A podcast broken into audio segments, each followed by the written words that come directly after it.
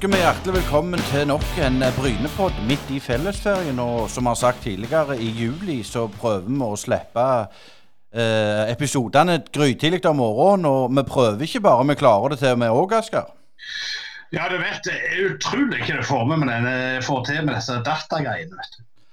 Absolutt. Og vi skal ha utrolig kjekke gjester i dag. Vi skal ha eh, Magnus Meling. Det er gjerne ikke så mange som vet hvem det er, men det skal dere få vite. Jeg kan nevne han har noe med Fredrikstad å gjøre. Analysen med Even Sehl. Og så skal vi eh, ha Tord Salte, og ikke minst eh, to karer med navn eh, Solberg. Og det var, var gjevt.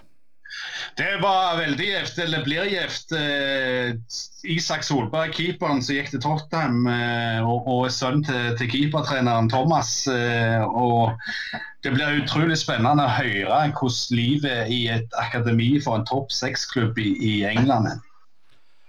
Eh, absolutt, og han spiller på U23-laget til Tottenham Hotspurs, og det har vi vel alle drømt om å gjøre, Asker. Eh, Men eh, nok om oss nå. Nå skal vi høre hva våre flotte gjester har å si. Da skal vi til poddens høydepunkt for veldig mange, en analysen med Even Sehl. Og ja, Even, hvis vi går rett på sak, så ble det et for- Smedal 1-0-tap mot eh, For min del så syns jeg Sogndal var et godt lag. Og, og når du har sett etter nå, hvordan syns du kampen var? Ja, for å si det først er jeg helt enig med deg at Sogndal er et godt lag. De har prestert godt i år. De har ikke fått så mye poeng som de gjerne hadde fortjent ut fra spill og sjanser. Så Det er et eh, veldig solid lag som garantert kommer til å være oppe i toppen i år. Jeg synes det det var en god fotballkamp. Jeg synes det var to gode lag. Det var, var tett og jevnt. Bra trøkk og bra kvalitet på mye. Eh, Vi er fornøyde med veldig mye av det vi leverer. Jeg synes det er framgang spillemessig for det vi har vist de to siste kampene. Vi gjør mye bra. Vi har god pasningskvalitet.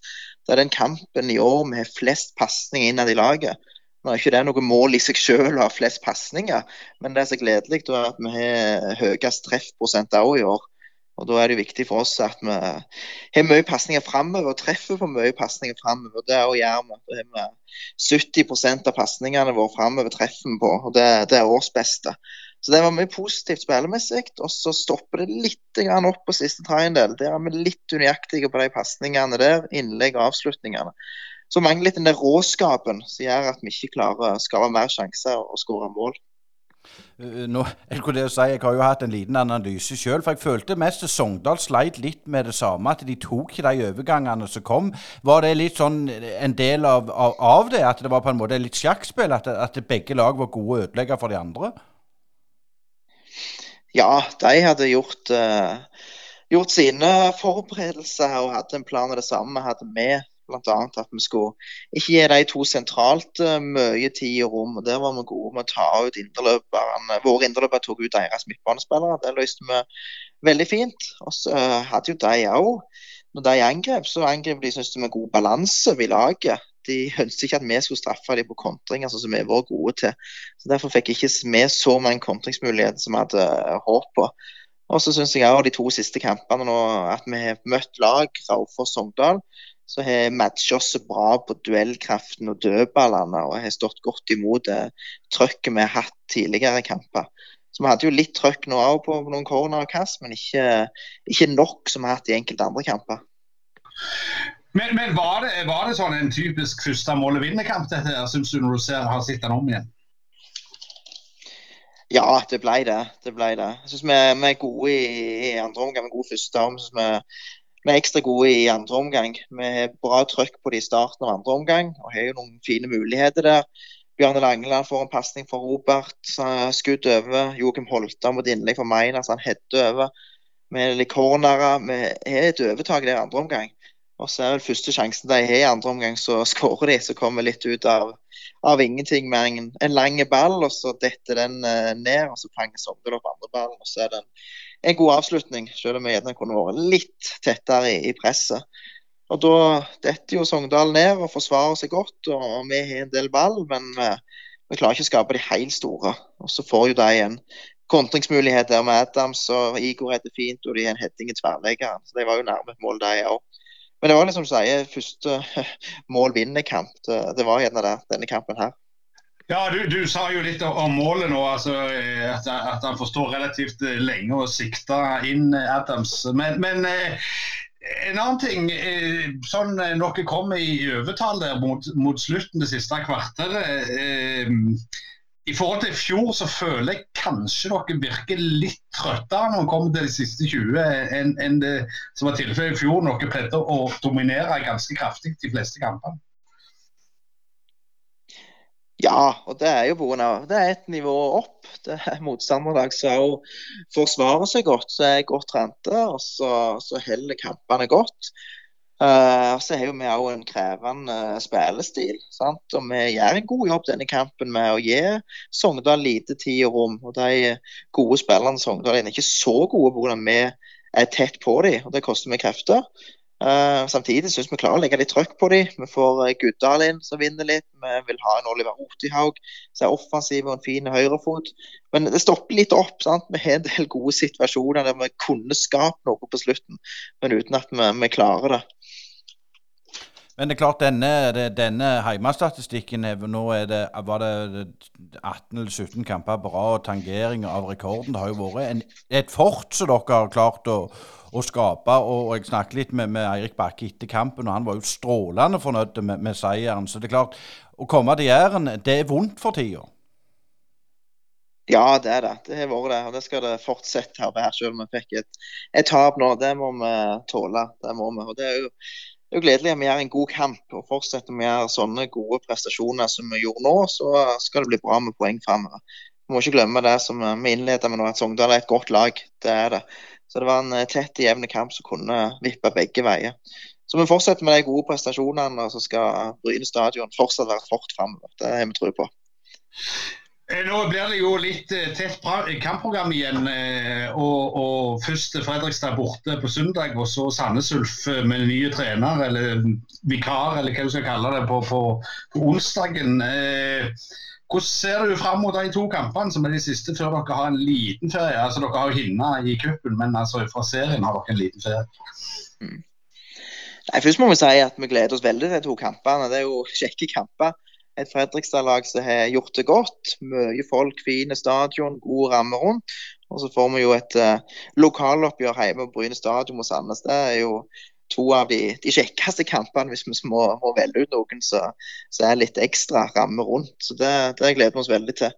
Så det, sier, det ble jo tre kamper der på seks dager. Så det blir, blir, travelt. Men nå er det jo veldig bra at vi ikke har fått noen uh, nye skader de siste kampene. Så alle er friske og raske. Og Det er viktig når vi går inn i, i denne uka her. Men Nå er det full fokus på Fredrikstad først, og forberede oss godt til den kampen der. Og, og gjøre en god bortekamp. Det, det, er et godt lag vi møter, men uh, de er ikke bedre enn de andre lagene vi har møtt som vi har prestert godt mot. Så det skal være gode muligheter til å gjøre en god kamp og, og få med oss et godt resultat derifra. Men når du nevner det med skader, Sogndal sleit jo med masse skader. Det er andre lag som sliter òg med mye skader det er jo da du hører det når det er mye skade, at, at fysio og, og, og medisinske apparatet får, får, kjeft. Men der må jo dere i Bryne ha truffet veldig godt med, med både opplegget og, og det medisinske apparatet. Ja, absolutt. Vi tror vi gjør mye riktig i treningshverdagen med den gode belastningsstyring og at vi har noen skikkelig gode økter med trøkk høy intensitet, og så må vi ta det litt ned. og Iallfall er det viktig i de travle periodene her å restituere godt, skadeforebyggende, tøy og bøy, og hente oss godt inn igjen. Og så er jo spillerne flinke sjøl òg, det må jo nevnes, til å, til å, restituere og få behandling tidsnok, sånn så at det ikke utvikler seg til å bli noen skader. Og så er de flinke det medisinske apparatet, absolutt. Så det er en, det er en sammenheng med flere ting her som gjør at vi har vært gode og heldige gjerne har seg unngått skader. For det, noen kontaktskader det, det, kommer alltid til å skje. Nå har vi heldigvis eh, sluppet unna det så langt. Eh, men Vi må jo si, si, to ord om Sandnes Ulf, siden vi ikke får snakket før, før den kampen. Men altså, tror du, hvor mye tror du det har å si nå at, at de har fått uh, nye trenere? De skal jo ha HamKam på, på, søndag hjemme, og, og, så er det Bryne og lokalderby. Altså, har sånne ting mye å si på sånn dere må planlegge? Dere må, eller dere begynner med litt blanke ark og fargestifte for å se hvordan det nye Sandnes ser ut? Nei, Vi liker å analysere motstanderen godt. Uh, nå er det jo naturlig nå siden det blir et trenerskifte å ha mye fokus på den siste kampen de har mot HamKam. Det er vel naturlig at de, de gjør kanskje litt endringer fra sånn de har spilt under Landro. Så blir det gjerne litt endringer nå. Så det er naturlig at vi har, har mest fokus på hvordan de ønsker å spille den kampen der. Men det er jo fortsatt de samme spillerne som skal spille. Sant? Så der må vi fortsatt være obs på enkeltspillerne til Sandnes sine styrker, og òg hvilke svakheter enkelte har som vi kan utnytte. Så det, det, blir litt å se litt tilbake, selvfølgelig. Vi kjenner jo godt til Sandnes. Men så blir det mest på, på spillestilen. da, Hvordan ønsker de å opptre offensivt og defensivt? Der blir det mest fokus på den siste kampen. Naturlig nok. Det er strålende. Even Sel, tusen takk for du nok en gang var med oss i Brynepodden, og masse lykke til, til mot eh, Fredrikstad. Alltid gildt å være med. Tusen takk. Hei, det er Hanna Kvarneland fra Privatmegleren Jæren. Er du på boligjakt, eller vurderer du å selge boligen din? Vi i Privatmegleren Jæren er ekte lokalmeglere med spesielt god kompetanse og et godt fotfeste om boligmarkedet her på Jæren. Ta kontakt med oss i Privatmegleren Jæren på telefon 51 48 86 00, eller kom innom oss i Torgata 2 på Bryne. Privatmegleren Jæren Alt vi forventer, er at du forventer mer av oss. Brynepoddene de har fått uh, gjest uh, langveis fra. Den ene ikke så langt, uh, den andre veldig langt. Og det er en glede for oss i, i Brynepodden å få ønske deg, Isak Solberg, hjertelig velkommen. Tusen takk skal du ha. Jeg har, vært, jeg har hørt på Brynepoddene før og veit hva det går i, så veldig kjekt å være her. Og vi har òg fått med far Thomas Solberg, som ikke er så ukjent for uh, Bryne-miljøet. Ja, hei. Takk. Ja, Asker, nå, det er godt de snakker norsk, så slipper vi å, å, å, snakke engelsk. Men, men, Isak han har jo uh, vært i Tottenham noen år nå. og det er stas det å ha en lokal spiller uh, mest i en Ja, det er jo en Premier League-klubb. Det er det absolutt. Og, og, vi gleder oss til å høre hvordan Thomas har opplevd denne tida. Eh, når han gikk sommeren for to år siden, så var jo verden sånn som vi kjenner den. Og, og etter den tid så har det skjedd mye rart i, i verden, så vi skal jo høre litt om, om hvordan det der covid òg har innspilt. Altså, jeg regner med at far Thomas kunne hive seg på et fly og være på Gatwick i løpet av en time og tre kvarter. Og, og nå er det litt mer heise å komme seg over Nordsjøen, men vi skal høre fra både far og sønn litt om hvordan dette er å være i en toppklubb. og Nå er jo faren òg involvert i Bryne, så det er jo noe vi er oppdatering der òg, sikkert.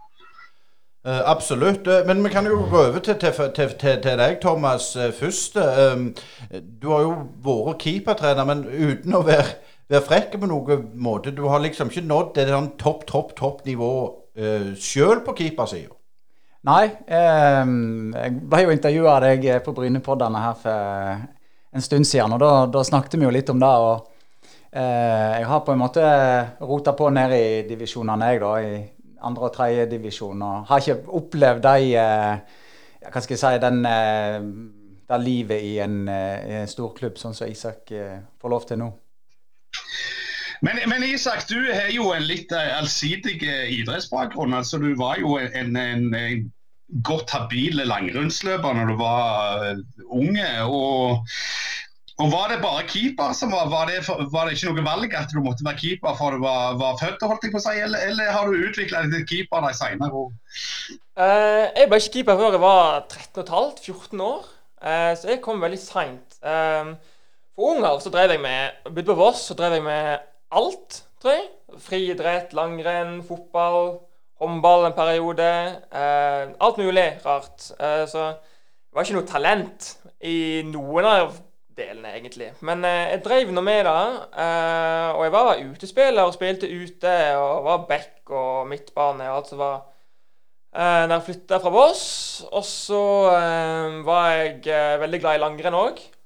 så var kanskje de to tingene det gikk mest i, spesielt i min gjeng da jeg var liten.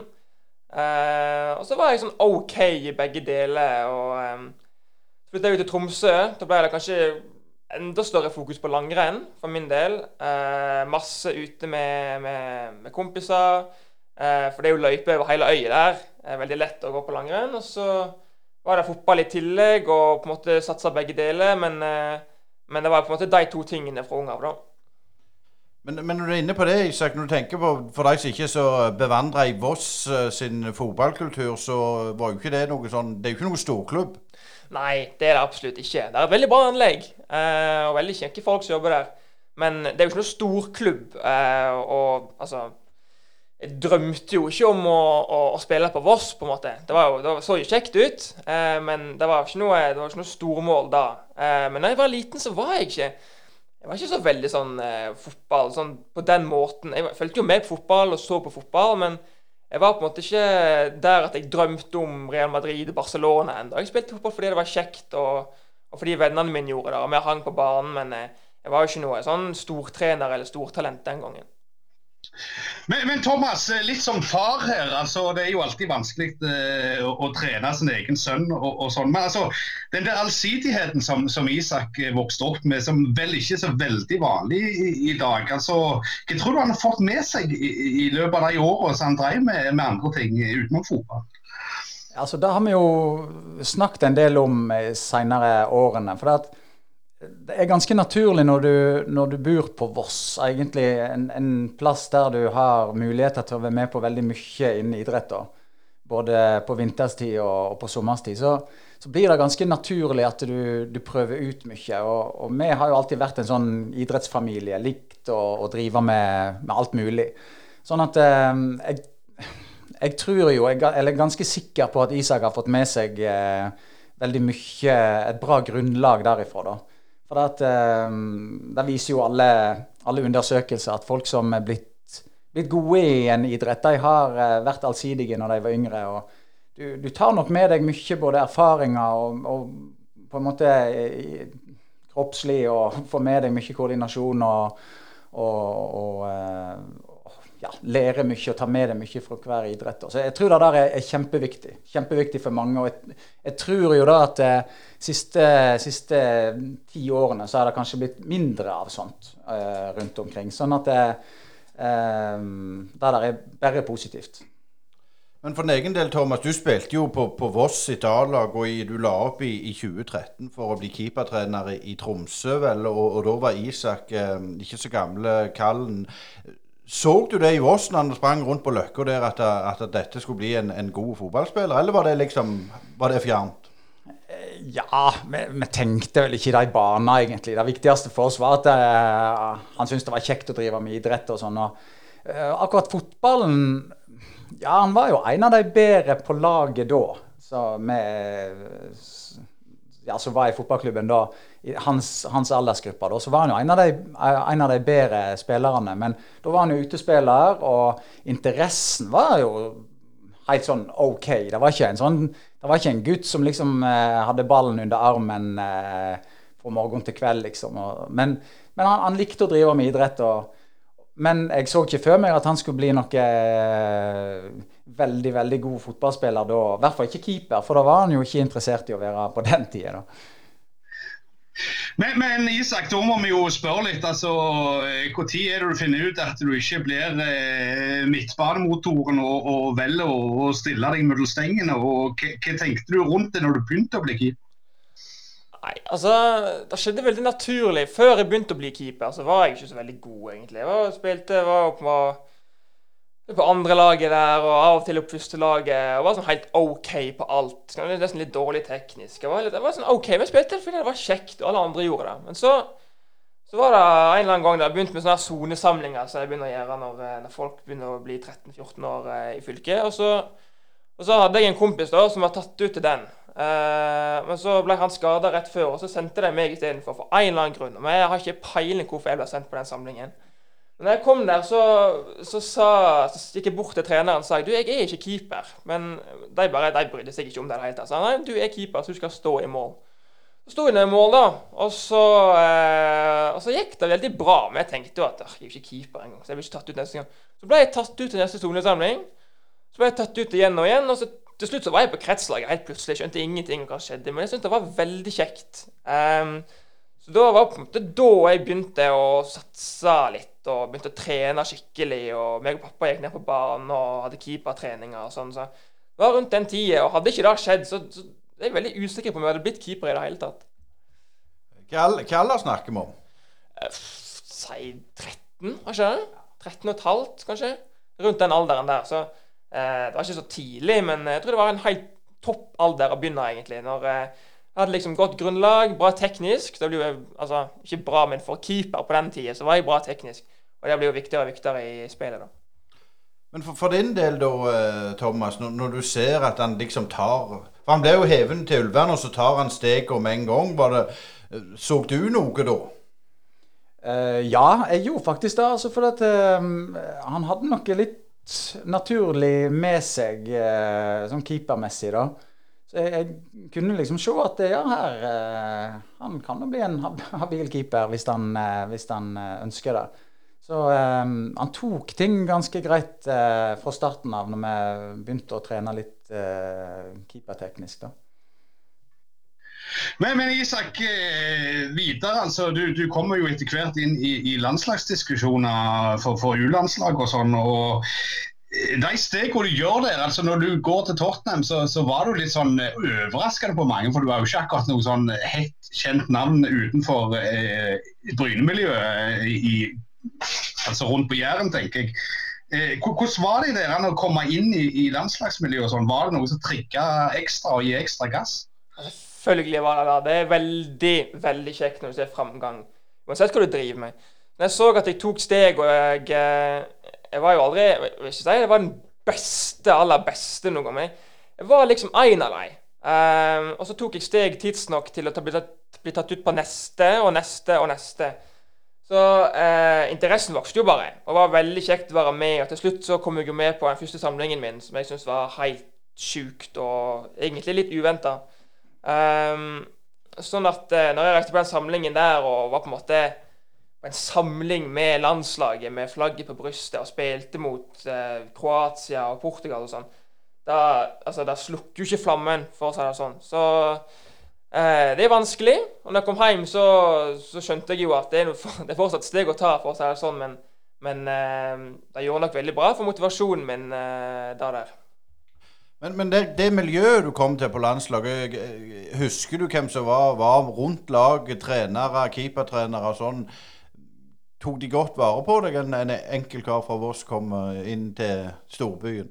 Ja, altså jeg tar godt vare på alle som kommer. Det er det som er tingen. De er veldig flinke. og Iallfall de første samlingene der, når vi er 15 Noen har akkurat fylt 14, altså fra 14 til 15. Veldig flinke på, på å på en måte gjenkjenne det at vi er fotballspillere, og vi, vi, er der for å gjøre en jobb, og vi er der for å prestere. Du er nødt til å prestere, men du blir ikke skjelt ut på trening og kamp, og de, de driter ikke på deg. liksom. De, de tar veldig, veldig, veldig, veldig godt vare på deg. Um, så det gjorde de meg òg. Uh, som keeper så er de jo litt utsatt for å gjøre feil. sant? Det er ofte deg du ser på hvis du slipper inn mål og sånn, men du får ikke det slengt i fleisen. Du får tilbakemelding på at da der burde du gjort bedre, og nødt til å skjerpe deg neste gang. Men uh, de finner veldig god balanse på akkurat den tingen der. Men nå, nå, har jeg lyst til å spørre litt, eh, et spørsmål til begge to, eh, far og sønn her. altså du spiller vel litt på, på todager til Bryne. Du møter sånne lokale Rogalandslag og, og, og, den slags. Og så plutselig så hører du at Tottenham er interessert i å hente deg over Nordsjøen. altså det må jo ha vært litt sånn sjokk for begge to at en så stor klubb plutselig tar kontakt og, og vil ha en keeper som er såpass ung, over, over til sin klubb?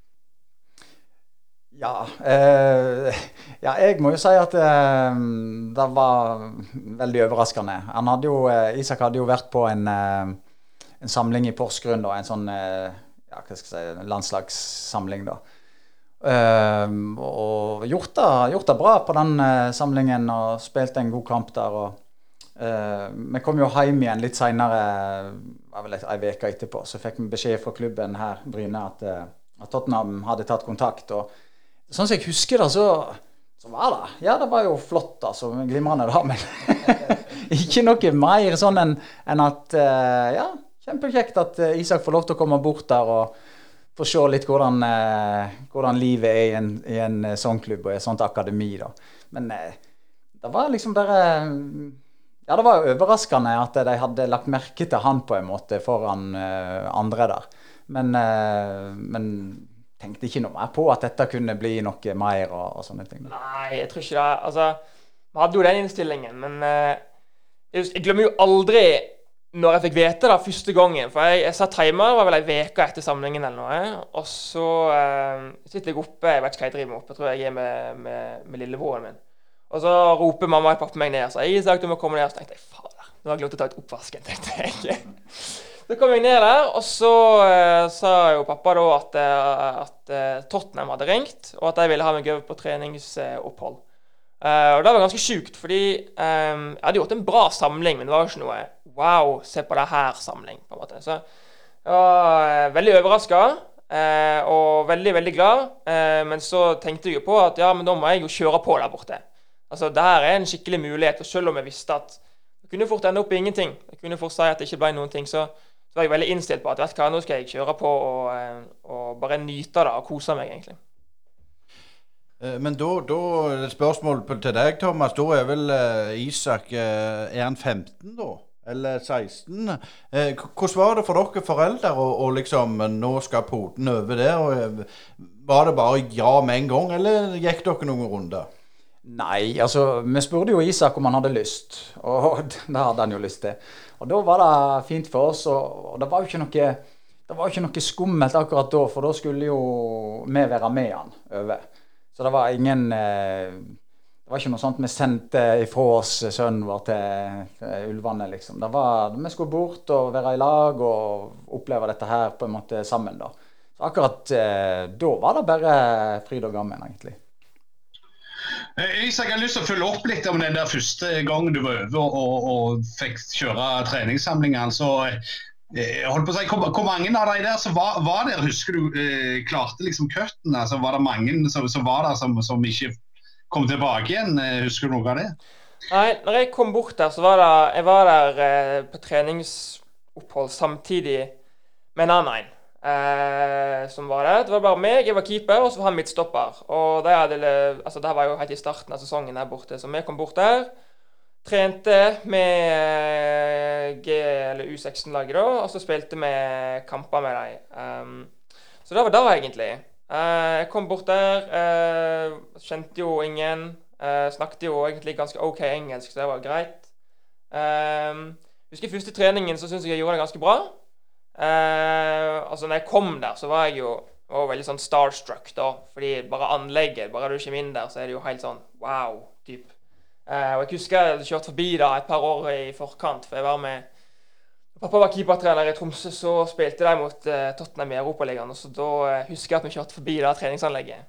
Um, så kom vi der igjen da et par år seinere, og det var ganske stort. Um, og det var helt fantastisk. Det var en helt annen verden da jeg vant med. Um, men jeg la på en måte litt vekk da, da når jeg kom der, og tenkte at det kan jeg heller nyte etterpå. Eh, fordi at eh, Veldig fokusert på trening og var veldig nervøs. For jeg hadde ikke peiling hva jeg kom til, egentlig. Men når du går dine skritt med, med knottasko inn på, på, det anlegget der, eh, hvordan tok de imot det? Hva som svinner i hodet? Det er jo en, en, en, drøm som alle som spiller fotball, drømmer om. Absolutt alle. Ja, de tok mot meg veldig godt. Eh, Altså, de, de, hilser jo på meg og introduserer meg for resten av laget og, um, og alt det der. Uh, garderoben er jo Altså, det er jo veldig kjekke å snakke med her eh, teammatesene mine, men uh, jeg er jo der for å ta jobben deres. Det er jo der jeg, er jo der for å ta deres uh, plass. Sånn at det er jo hyggelig å snakke med meg og sånn, men det er ikke noe ekstra, det er ikke noe special treatment, for å si det sånn. Um, men når jeg, når jeg, kom bort der, så uh, Trenerne er jo veldig inkluderende. De forklarer meg hva de vil ha, til og med første treningen. Um, de ser meg, og de er veldig sånn konstruktive. da, Kanskje mer med meg enn de andre, fordi de vet jo hva det går i. Jeg har vært der, mange har vært der siden jeg var ni år. Um, men uh, utrolig kjekt første møte med, med klubben. jeg husker ikke så mye av det, for jeg var veldig fokusert på, på treningen og det jeg skulle gjøre Eh, men eh, jeg husker at jeg syntes det var veldig kjekt, og det var på en måte ikke noe stress å være der. Eh, men når du da eh, endelig reiser over da, sommeren for to år siden eh, og, og, skal begynne i akademiet for fullt, og, og dette i hermetegn jobben din eh, Hva er den største forskjellen på det du vant med fra norsk idrett og det du møter i, i hverdagen i, i London? Uh, for, I forhold til idretten så er den nok veldig um, De er litt mer direkte med, med, de yngre spillerne sine. Um, veldig lite dulling og på en måte rundt grøten og den slags type ting. Det er rett på sak. Og, og tåler du ikke det, så, så tåler du ikke det. Sånn er det bare. Det er den, eh, det er den derfor. Det er så vanvittig stor um, konkurranse der borte. Og fra, fra, fra, liten av så er det på en måte uh, det, Altså, the fittest survive feil, men det er de som er best å få lov til å være med videre. Og, um, og det, den kulturen er bare helt naturlig der borte. Det er ikke noe det er ikke noe på en måte, klaging eller noe altså, noe, altså Det er ikke noe urettferdighet, hvis du vil. det. Det er bare det er de som er best som er der. Og, og mer sånn direkte kultur, da, Jeg vil kanskje jeg vil dra fram mest. Jeg, jeg, eh, jeg, vil jo si at sånn tilbakemeldinger altså når, snakket, når de har snakka med oss uh, foreldre, så er det er veldig sånn direkte der òg. Der er han god på, der må han bli bedre på. Der må uh, der, uh, der, må han jobbe sånn og sånn. Så du, du får veldig sånn direkte tilbakemeldinger. Du slipper liksom å lure på hva mente de nå. For at de er flinke på å, å gi gode tilbakemeldinger. da. Og det er, eh, det er, viktig for oss som foreldre òg å få med oss. Og så er det utrolig viktig for spillerne at de, at de rett og slett får vite hva de må bli bedre på. da. Eh, men, men, jeg tenker du er jo på landslags eh, det, Hvis vi går, holder oss til samme tidsrom, du er på landslag og du kommer til Tottenham. Eh, sånn som jeg oppfatter landslaget, så er det jo veldig kald sånn norsk toppfotball. De tar godt vare på. Det, det, er jo krav, men det er på en annen måte. Er det store forskjell?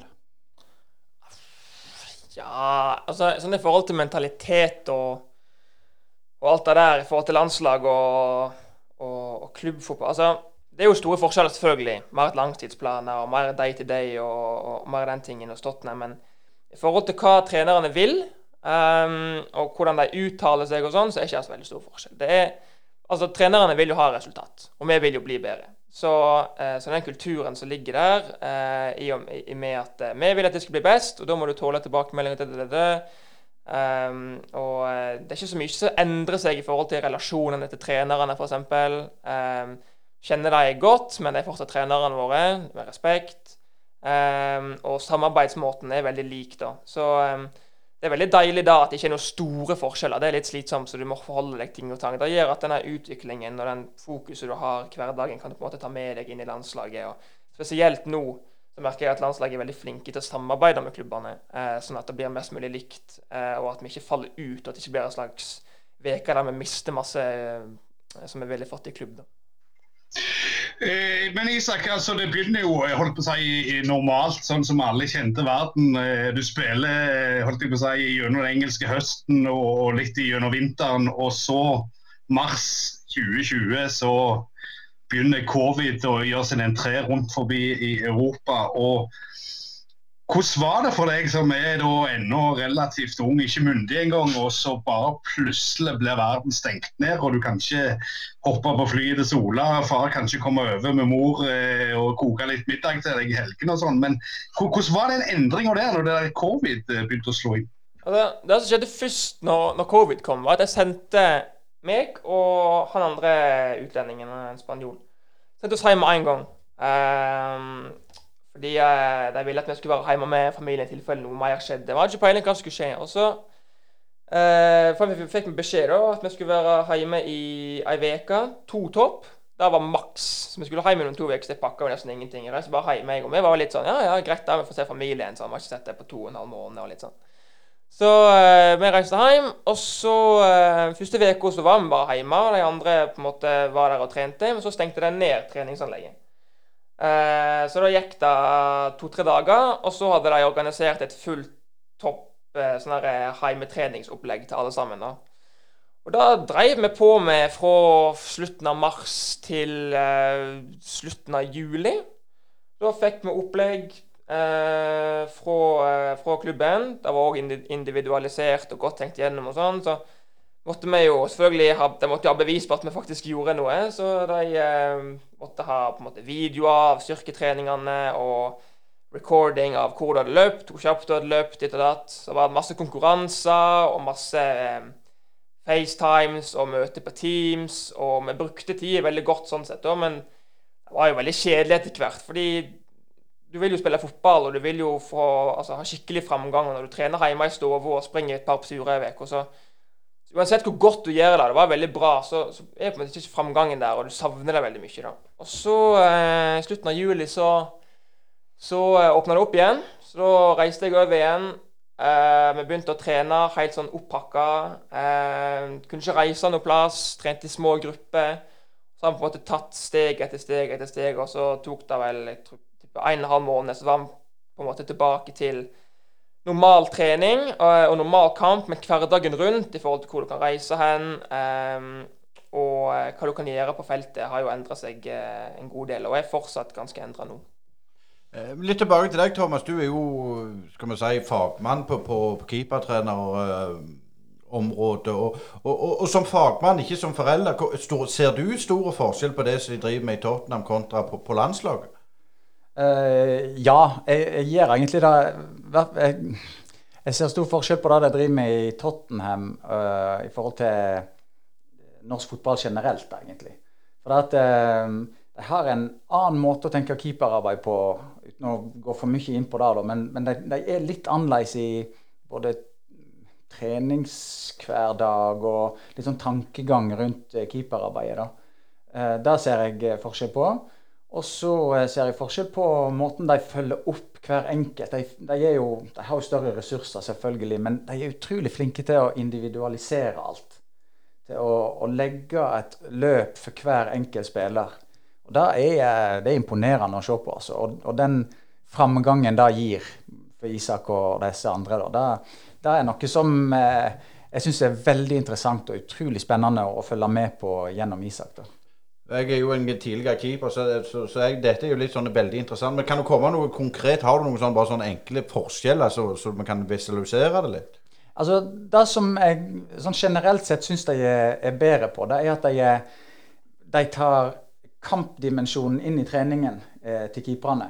Men da mener jeg at eh, de har mer sånn eh, kamprelaterte eh, treningsmetoder. da. Altså at eh, Sånn som Isak nevnte i stad, så, så, legger de inn mer sånne variabler. Du må tenke litt sjøl. Hvis det skjer, eh, så må det skje.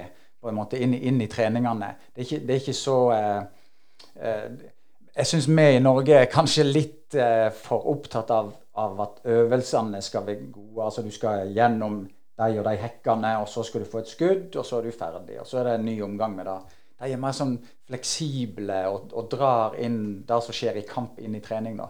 Det er vel den største forskjellen, eh, tror jeg. Uten at jeg veit hva som skjer i alle klubber i Norge, så, så føler jeg at det er i hvert fall der vi har mest å lære. da.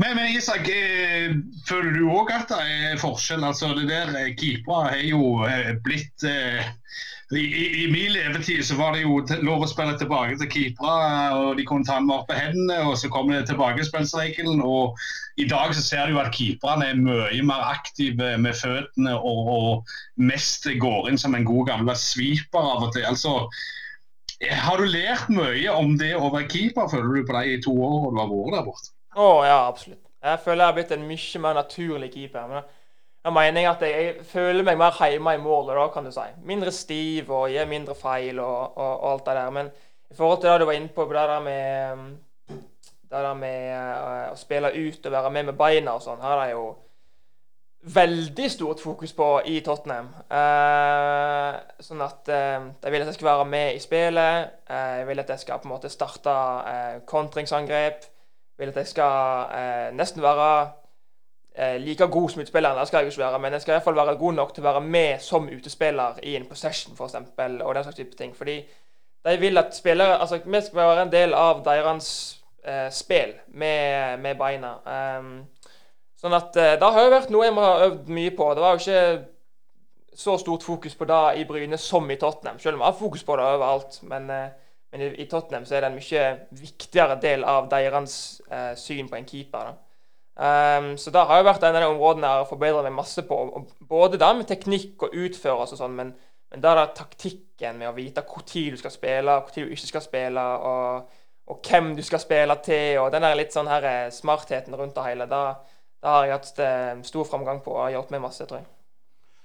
Det er klart, i, i Tottenham Ja, nå skal du ha et her, skal jeg skrive. Ja, ja, jeg har lyst til å følge opp litt der. for det at det, eh, det, er jo, det er jo visse klubber i England som, som Southampton som kom ut med en der playbook som de skulle liksom følge det samme systemet fra guttene var 13 til de var inne i A-stallen osv. Altså, er det noe som Tottenham òg driver på med, at dere spiller likt som A-laget gjennom, alle årgangene? på en måte? Å ja, i veldig veldig stor grad. De er veldig flinke der. De jeg sier det til oss hele tida. Deres jobb det er å forberede oss på A-lagsfotball i Tottenham.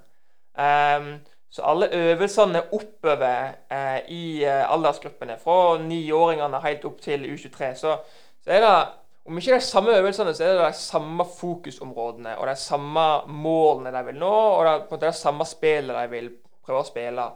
Vi er jo en klubb som, eh, iallfall et akademi, som har lyst til å spille seg ut bakifra. Um, og så kommer det jo alt på hva A-lagstrener vi har, men den, den, røde tråden som går gjennom akademiet om at vi har lyst til å spille oss ut eh, Ikke under alle omstendigheter, men prøve å på en måte holde i ballen for å skape angreps- og overtallssituasjoner. Det ligger veldig godt igjen i klubben. Um, og så kan du individualisere det òg, f.eks. sånn keepere. Sant? Vi vil at de skal, vil, vil at vi skal være fleksible og kunne spille ut. Og så vil jeg at høyrebackene skal kunne være og spille på midtbanen og spille midtstopper, for jeg vil at jeg skal bli på en måte ikke for knytta til én posisjon. Eh, og Det er på en måte litt sånn Tottenham way, da. Eh, og det er de veldig flinke på å ha fokus på og minne oss på eh, hele tiden. Klart, eh, Tottenham har jo et akademi, de har fått nye, flotte stadion. Så, men sånn så for din del, din hverdag, har du liksom vært Er det London Nå er jeg mest Jeg kaller det White Hart Lane, men det var vel det etter før. Eh, men, men, eh, men, men Får dere lov å, å, trene med de store guttene? Ser dere? Er det noe kontakt, eller hvordan er det? Og hvor trener dere? Hvordan er en vanlig dag for dere? Så En vanlig dag for meg, den står jeg opp sju. og så Hvis alt er helt normalt, så, så, reiser jeg inn der og spiser frokost der. Og så eh, bruker vi lang, god tid på å preppe før trening. Eh, det vil si med tøyer, og vi aktiverer, og vi gjør ditt og datt. Og så har vi av og til en sånn eh, power session før trening. Så trener vi. Og så trener vi en halvannen-to timer. Eh, Kommer inn igjen, spiser lunsj, trener styrke på ettermiddagen, har et møte, og så reiser vi hjem. Det er på en måte det er hverdagen min i, i, i Tottenham. Og så I forhold til hvor mye vi ser av, av A-lagspillere og sånn, så er eh, akademiet ganske sånn greit enkelt delt opp. da. Det er, alt er i ett bygg. Eh, men så har A-laget sin side, og så har akademiet sin side. Så Målet for alle akademispillere er på en måte å komme over på den andre sida. Det er ikke stengt, men det er på en måte en tydelig grense på hvor den altså, Du går ikke over der med mindre du spiller der. Um, sånn at uh, noen, spesielt i preseason og når det ikke er kamper og folk er vekke på, på landslagssamlinger og sånn på A-lagssida, så, så, tar de opp mer folk fra akademisida eh, for å trene med, med A-laget. Sånn er det i alle klubber. Um, selvfølgelig. For jeg må, ha, må, jo ha spillere på trening. Um, og du ser dem av og til. Um, det går i gangene. Det er jo ikke sånn at de prøver å distansere seg fra oss. men uh, vi ser dem og blir motivert av dem, men vi blir òg påminnet om at det er et skille der, og det er der vi skal prøve å komme. Da, på en måte. Ja, Det var derfor jeg, jeg, jeg ville ha det med sagt, til å si det, for, for, det vet jeg at det er eh, Vi supporter jo et annet lag i England, men det er òg de veldig opptatt av det. Det skal være et skille, men det skal være et godt samarbeid. Men du skal liksom ikke ja, vi sier på Jæren du skal ikke tro du er noe. Det skal være et skille, og du skal ha respekt, og det er der du skal komme. Er, blir du på en måte printa inn det med, fra dag én, på en måte? Ja, hele akademiet er på en måte bygd på den måten. Garderobene blir bedre jo høyere opp du kommer. Eh, så garderobene til de, de, yngste er ikke i nærheten av så gode som garderobene som vi bruker nå, f.eks. Når, du altså når du beveger deg oppover i systemet, så får du på en måte litt mer sånn frihet. Det er lov til å måte, gå med ting og tang. Um, du har på en måte litt mer kontroll over deg sjøl. Um, og det er en ting som er veldig bevisst. Og da, tror jeg jeg sa til oss, meg og pappa når vi reiste der òg, at det, det, det er sånn det er. Du må bare finne deg i at hvis du spiller på, eh, på U12, så er det på en måte Du må ha noe å motivere deg på en måte, sant? Og selvfølgelig motiverende å spille på bedre lag og sånn, men det blir finere jo lenger opp i systemet du kommer, og, og, det er noe de prøver å printe inn i spillerne kjapt for å gi dem litt ekstra guts. da. Du får gå ut med finere jenter òg, da? ikke vært, ikke vært så mye på den kanten. Iallfall ikke nå etter covid kom. Så um, nei, det er fotballskole og familie for min del. Ja, det, det, det knallhardt med det covid-greiene. Det, det er jo mange tapte sommerkvelder der med, med, med ut igjennom. Men, eh, men Isak, eh, kan du si litt om hierarkiet? Du har nevnt altså, 9 og 13, men altså, hvor, hvor på stien befinner du deg for tida? Eh, akkurat nå så Eller den sommeren her så gikk jeg fra å være U18 til U23-spiller. Um, de to første årene så har jeg spilt på U18-laget til, til, Tottenham. Uh, og så Nå blir jeg da en U19-spiller på U23-laget, da. Og det er nest siste steg, om du vil, før du er A-laget. Um, så eh, da blir det på en måte et nytt level. Det blir veldig tøft. Det blir på en måte litt samme som da jeg kom bort der første året og første preseason min. Da var det et nytt nivå som jeg måtte ta. Eh, det var veldig vanskelig. Hver dag på trening var på en måte en kamp for å, for å eh, henge med og, og spille bra. Um, så jeg vet hva jeg kommer til. Um, kanskje enda mer nå enn det jeg gjorde da, for jeg har trent en uh, en god del med U23 fra før av. Um, har på en måte spilt med dem før, kjenner spillerne godt, kjenner treningene godt. Uh, og veit at når jeg, når jeg, trener med dem, da, er jeg nødt til å være på og, eh, og ha en god dag. Eh, for hvis ikke så, så, er det enda mer voksent der, du hører det enda mer. Eh, og U23 i forhold til U18 er et mye mer eh, A-lagsmiljø og et prestasjonsmiljø. Og vi begynner å på en måte bry oss litt mindre om hvordan vi vinner kamper. Vi analyserer og vil på en måte spille ut på samme måte, men, men, men, det er på en måte litt viktigere nå at vi vinner, og at det er det som står i, i fokus. Eh, jeg husker ikke helt hvem det var vi snakket med, men, men det var en, en med, med, internasjonal erfaring fall, og fortalte litt om, om, det der med å møte sånn eh, Dere møter jo stort sett jevnaldrende fra, fra, andre klubber i, i, toppen, vil jeg tro. Men, men altså Eh, andre møter jo disse herrene seige slyene på 28-20 år liksom, når de er 17-18 og får liksom banka det inn i, i, i tippeligaen f.eks. Altså, er det noe du savner å møte litt sånn motstand som er si ti år eldre enn deg sjøl? Altså? Uh, ja, savn og savn Altså, jeg tror det kommer ikke så mye an på det. Jeg tror det kommer mest an på hvilket nivå du spiller på. Hvor gamle de har ingenting å si. Um, jeg tror det kommer an på uh, på kvaliteten på spillerne rundt deg. Selvfølgelig er det noe helt annet å spille league 2 mot 32 år gamle veteraner som, som, som knaller deg ned og, og, spiller den slags type fotball. Men, men, eh, men, kvaliteten er jo det viktigste. Og så lenge du møter god kvalitet, spiller med bra kvalitet, som, jeg, altså, som Tottenham absolutt gjør, så vil jeg si at det, det er ikke noe savn. Det er veldig viktig. Og når du kommer til et punkt i, i, karrieren din, så er du nødt til å spille A-lagsfotball. For du er nødt til å møte de type kampene og spillerne som du kommer til å møte.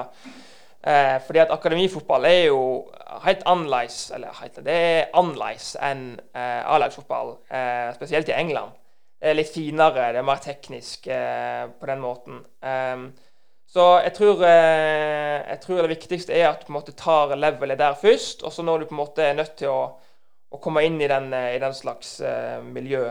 og det er jo litt seinere ofte for keepere, så jeg tror det er viktig. Og det er jo derfor keepere går på lån og den slags type ting. men Um, men akkurat nå, på mitt stadie i min karriere, så, så er ikke det det absolutt viktigste, vil jeg si. Uh, til deg, Thomas. For det er klart det når det gjelder det som han forteller her med den respekten det skal være, det skillet. Sånn jeg føler jo i norsk fotball så er jo det er litt som liksom snilt. Altså, Jeg ser jo bare på din jobb i Bryne. Det, det, er liksom Vi skal ta vare på alle er like verdifulle. Det er jo fint og flott, det, men, men skulle vi vært tøffere og si 'sorry, Mac, du er ikke god nok, du må gjøre sånn og sånn og sånn', og så kan vi snakke. Er, er vi for snille, eller er det bare noe som vi, vi tror? Nei, altså eh, Det har nok Jeg husker jo når vi var yngre og eh, snakket med folk som har vært i toppfotballen for en del år siden, eh, så, så, var det nok tøffere enn det er nå. Nå, eh, Der ser du jo på andre arenaer i samfunnet òg at vi kanskje er litt rundere i kantene og duller litt mer. Men ja, jeg, jeg tror nok kanskje at mange ville hatt godt av å, å få litt hva skal jeg si, direkte tilbakemeldinger og, og gå litt den harde skolen da, som en, en, gikk før. Så jeg tror nok helt sikkert at vi har eh, dulla oss litt inn i ting her i, her i Norge, da. Men, men, Isak, du som holdt på å si, har bodd begge plasser og, og, går inn i et annet miljø som jeg vil tro de fleste er vel briter, sånn som er i, i, i Spurs. Eh, men, men, altså, merker du store forskjell altså sånn rent sånn sosialt og sånn òg? Altså måten folk er på der kontra det du var vant med hjemme? Ja, absolutt. Litt sånn Først og fremst i forhold til språk så trodde jeg jeg var veldig god i engelsk når jeg kom der. Eh, og engelsk var jeg sikkert god i, men ikke den engelsken de snakket. Så de første tre månedene så sleit jeg veldig med å, med å forstå dem. For det går veldig fort, og det går på et helt annet sleng enn jeg var vant med. Da var på en måte en litt sånn barriere da, forhold til sosiale. Det er litt vanskelig. Og nesten alle på akademiet vårt er engelske og ganske lokale. Um, sånn at de har jo ikke tatt hensyn til på en måte at, jeg kommer der og ikke snakker deres språk, om du vil. Da har jeg jo kommet inn i nå, da, og nå snakker jeg jo nesten deres språk der borte. Men, um, men, uh, men, det var veldig vanskelig når jeg kom der. Og så eh, Ja, så er det jo litt der med humoren og banteren der borte som det er litt vanskelig å komme inn i. Um, det sleit jo jeg med. Uh, nå har jeg på en måte blitt pressa til å Eller det har på en måte naturlig skjedd, egentlig. At, at jeg har på en måte begynt å like den humoren litt mer. Og, og snakke mer med dem og kommer med mer. og eh, og den slags type ting. Men, uh, men da var jo det litt sånn kulturforskjell, da. Um, og i forhold til på banen, så, så var det litt sånn uh, Det var en ny ting for meg å på en måte bli vant med. det at Vi er veldig gode venner av banen, men på banen så er det helt glemt. Det er, når vi går ut på banen og trener eller spiller kamp, så, så, så får du høre det. Og de, de, bryr seg ikke om du har vært venner, eller hva du sa i garderoben før eller etter, eller hva du driver med, eller altså, hvor godt de kan kjenne hverandre. Det har ingenting å si. Hvis du gjør en feil, så får du høre det. og og, på en måte Det legger liksom vekk personlige kjennskaper på banen.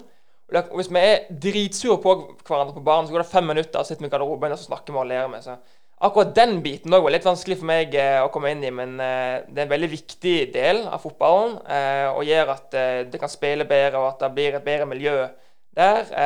Og jeg har på en måte kommet inn i det nå og føler jeg er en del av det òg, jeg har en oppfølging på det. Altså, alle som har spilt fotball, eh, vet jo det at det var alltid noen sånn lag vi møtte som vi visste måtte være liksom absolutt på vårt beste for å slå. Og sånn, og andre lag der visste du mer og mindre at hvis du spilte en, en bra kamp, så vant du mot dem.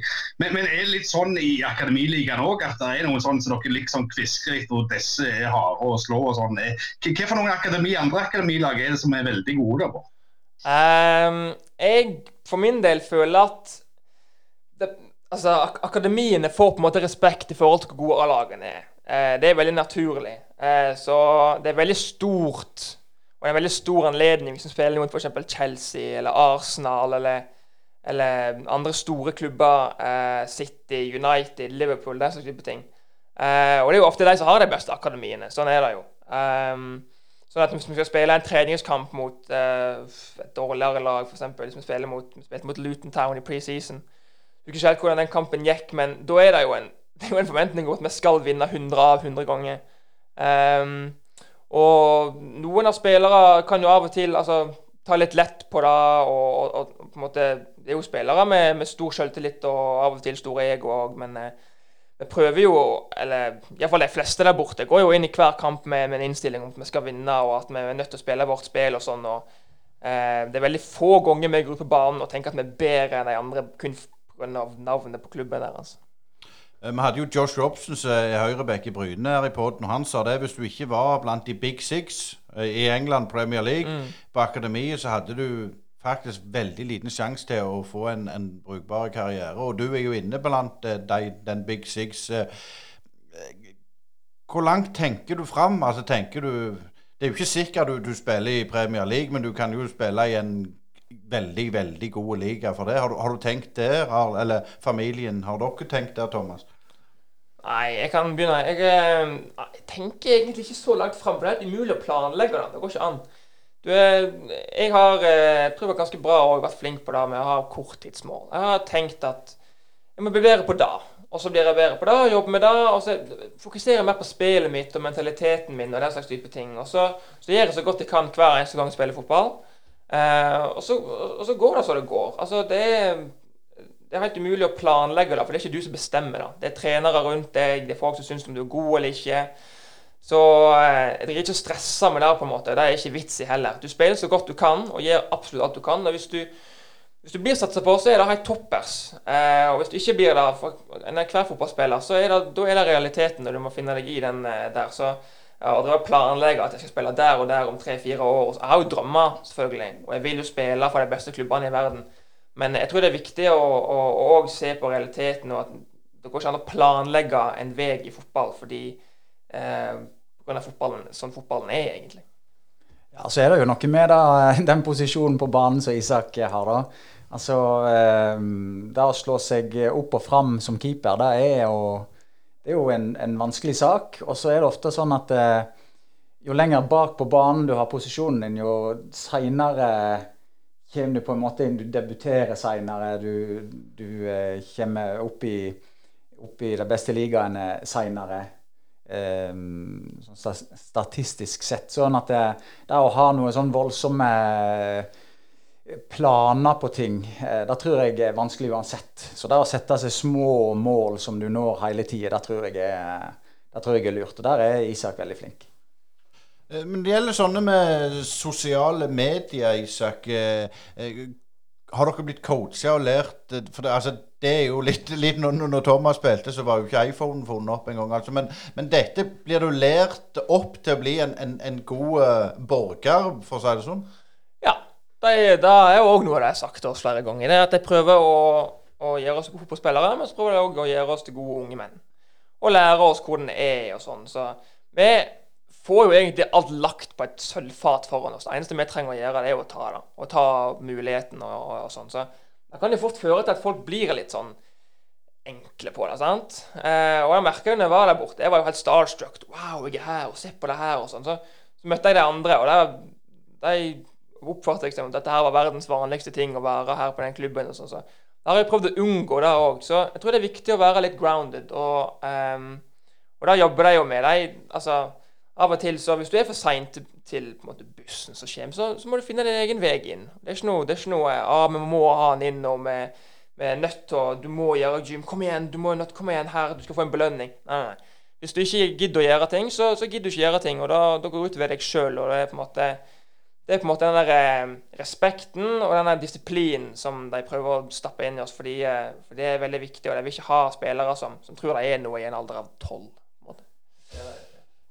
Og så er det jo noe med det der med medietreningen som de har der, at eh, de, prøver å lære dere i forhold til hva du legger ut på, på Instagram og Facebook av både bilder og, og, saker og sånne ting. da. Ja, det var jeg tror jeg første dagen jeg kom der. Det er jo veldig redde for hva som skal skje. For det kan jo være ting du legger ut. og kan du poste ting du ikke mener å poste engang. Når vi kom der, så er det sånn De, eh, de, eh, de sa til oss at gå gjennom Twitteren din og slett alt som kan få deg i trøbbel når du eventuelt kommer inn på A-lagsfotball en gang. Fordi eh, det har vært en del saker på det der folk som har posta ting i 2011, liksom, så det er et problem for det nå. Eh, og det burde ikke være sånn, men det skjer. Eh, så jeg vil jo unngå at vi driter oss ut. Eh, men, eh, men, har vi spørsmål og har, lurer vi på noe i forhold til sosiale medier, så er det veldig enkelt å, å ringe dem. For de er, de er en god, god del altså, kjekke folk der som, som hjelper deg og, og, og bryr, seg om, eh, bryr seg om deg. Da. Men, men, men, Isak, du er jo si, i, videregående skolealder eh, fremdeles. Eh, men, men, altså, hvis du kunne tenke litt sånn amerikansk eh, college-drama-scene her. altså, er, er, det noen av de du har vært i lag med på, på akademiet som du har sett har måttet forlate staten og, og har rett og slett måttet slutte eller blitt kasta ut og sånn? Og er det sånn clean cut? Er du ute, så er du ikke en del av miljøet i det hele tatt? Like? Ja, altså så lenge du er der og er i garderoben og er en del av laget, så er det veldig inkluderende. Da er du der, og utenom fotballen så er det ikke så mye altså Om du spiller eller ikke, så har ikke det så mye å si. Det er mer hvem du er og personligheten din. Um, samtidig så er det veldig Det er hardt. Hvis du ikke er god nok, så får du ikke ny kontrakt. Det er, det er bare sånn det er. Så um, det er ikke noe Altså, de, altså, de driter jo ikke i spillerne sine. Hvis, hvis de ser at det er en spiller som de ikke vil ny kontrakt, så informerer de han om det og snakker med han om det. Og de, de går ikke bare fra han uten en klubb. De, de sørger for at han, at han finner, ny, en, eh, at han finner en ny klubb, at han kan fortsette sin karriere hvis det ikke blir i Tottenham. Så Der er de veldig flinke, samtidig som det er rawcut. Altså, hvis du ikke er god nok, du ikke ny kontrakt. og da Og da er det ingenting å gjøre med. Da må du prøve å lykke en annen plass. Sånn at eh, det er jo, Vi er jo alle kompiser, vi er alle venner der inne, men eh, det er jo om å, å, å, holde ut. Det er jo om å ikke dette ut fra, eh, fra, fra laget. og eh, det, det, miljøet der er vi veldig gode på. Det er inkluderende miljøet, men samtidig den der påminnelsen om at eh, hvis du ikke er god nok, så, så er du ikke med lenger. Eh, men Thomas, altså gitt situasjonen som har vært, altså, i, hvilken grad får du lov å, får du sett kamper på video eller, eller sånn? Altså, har du noen kanaler du kan gå inn på og, og følge, Isak?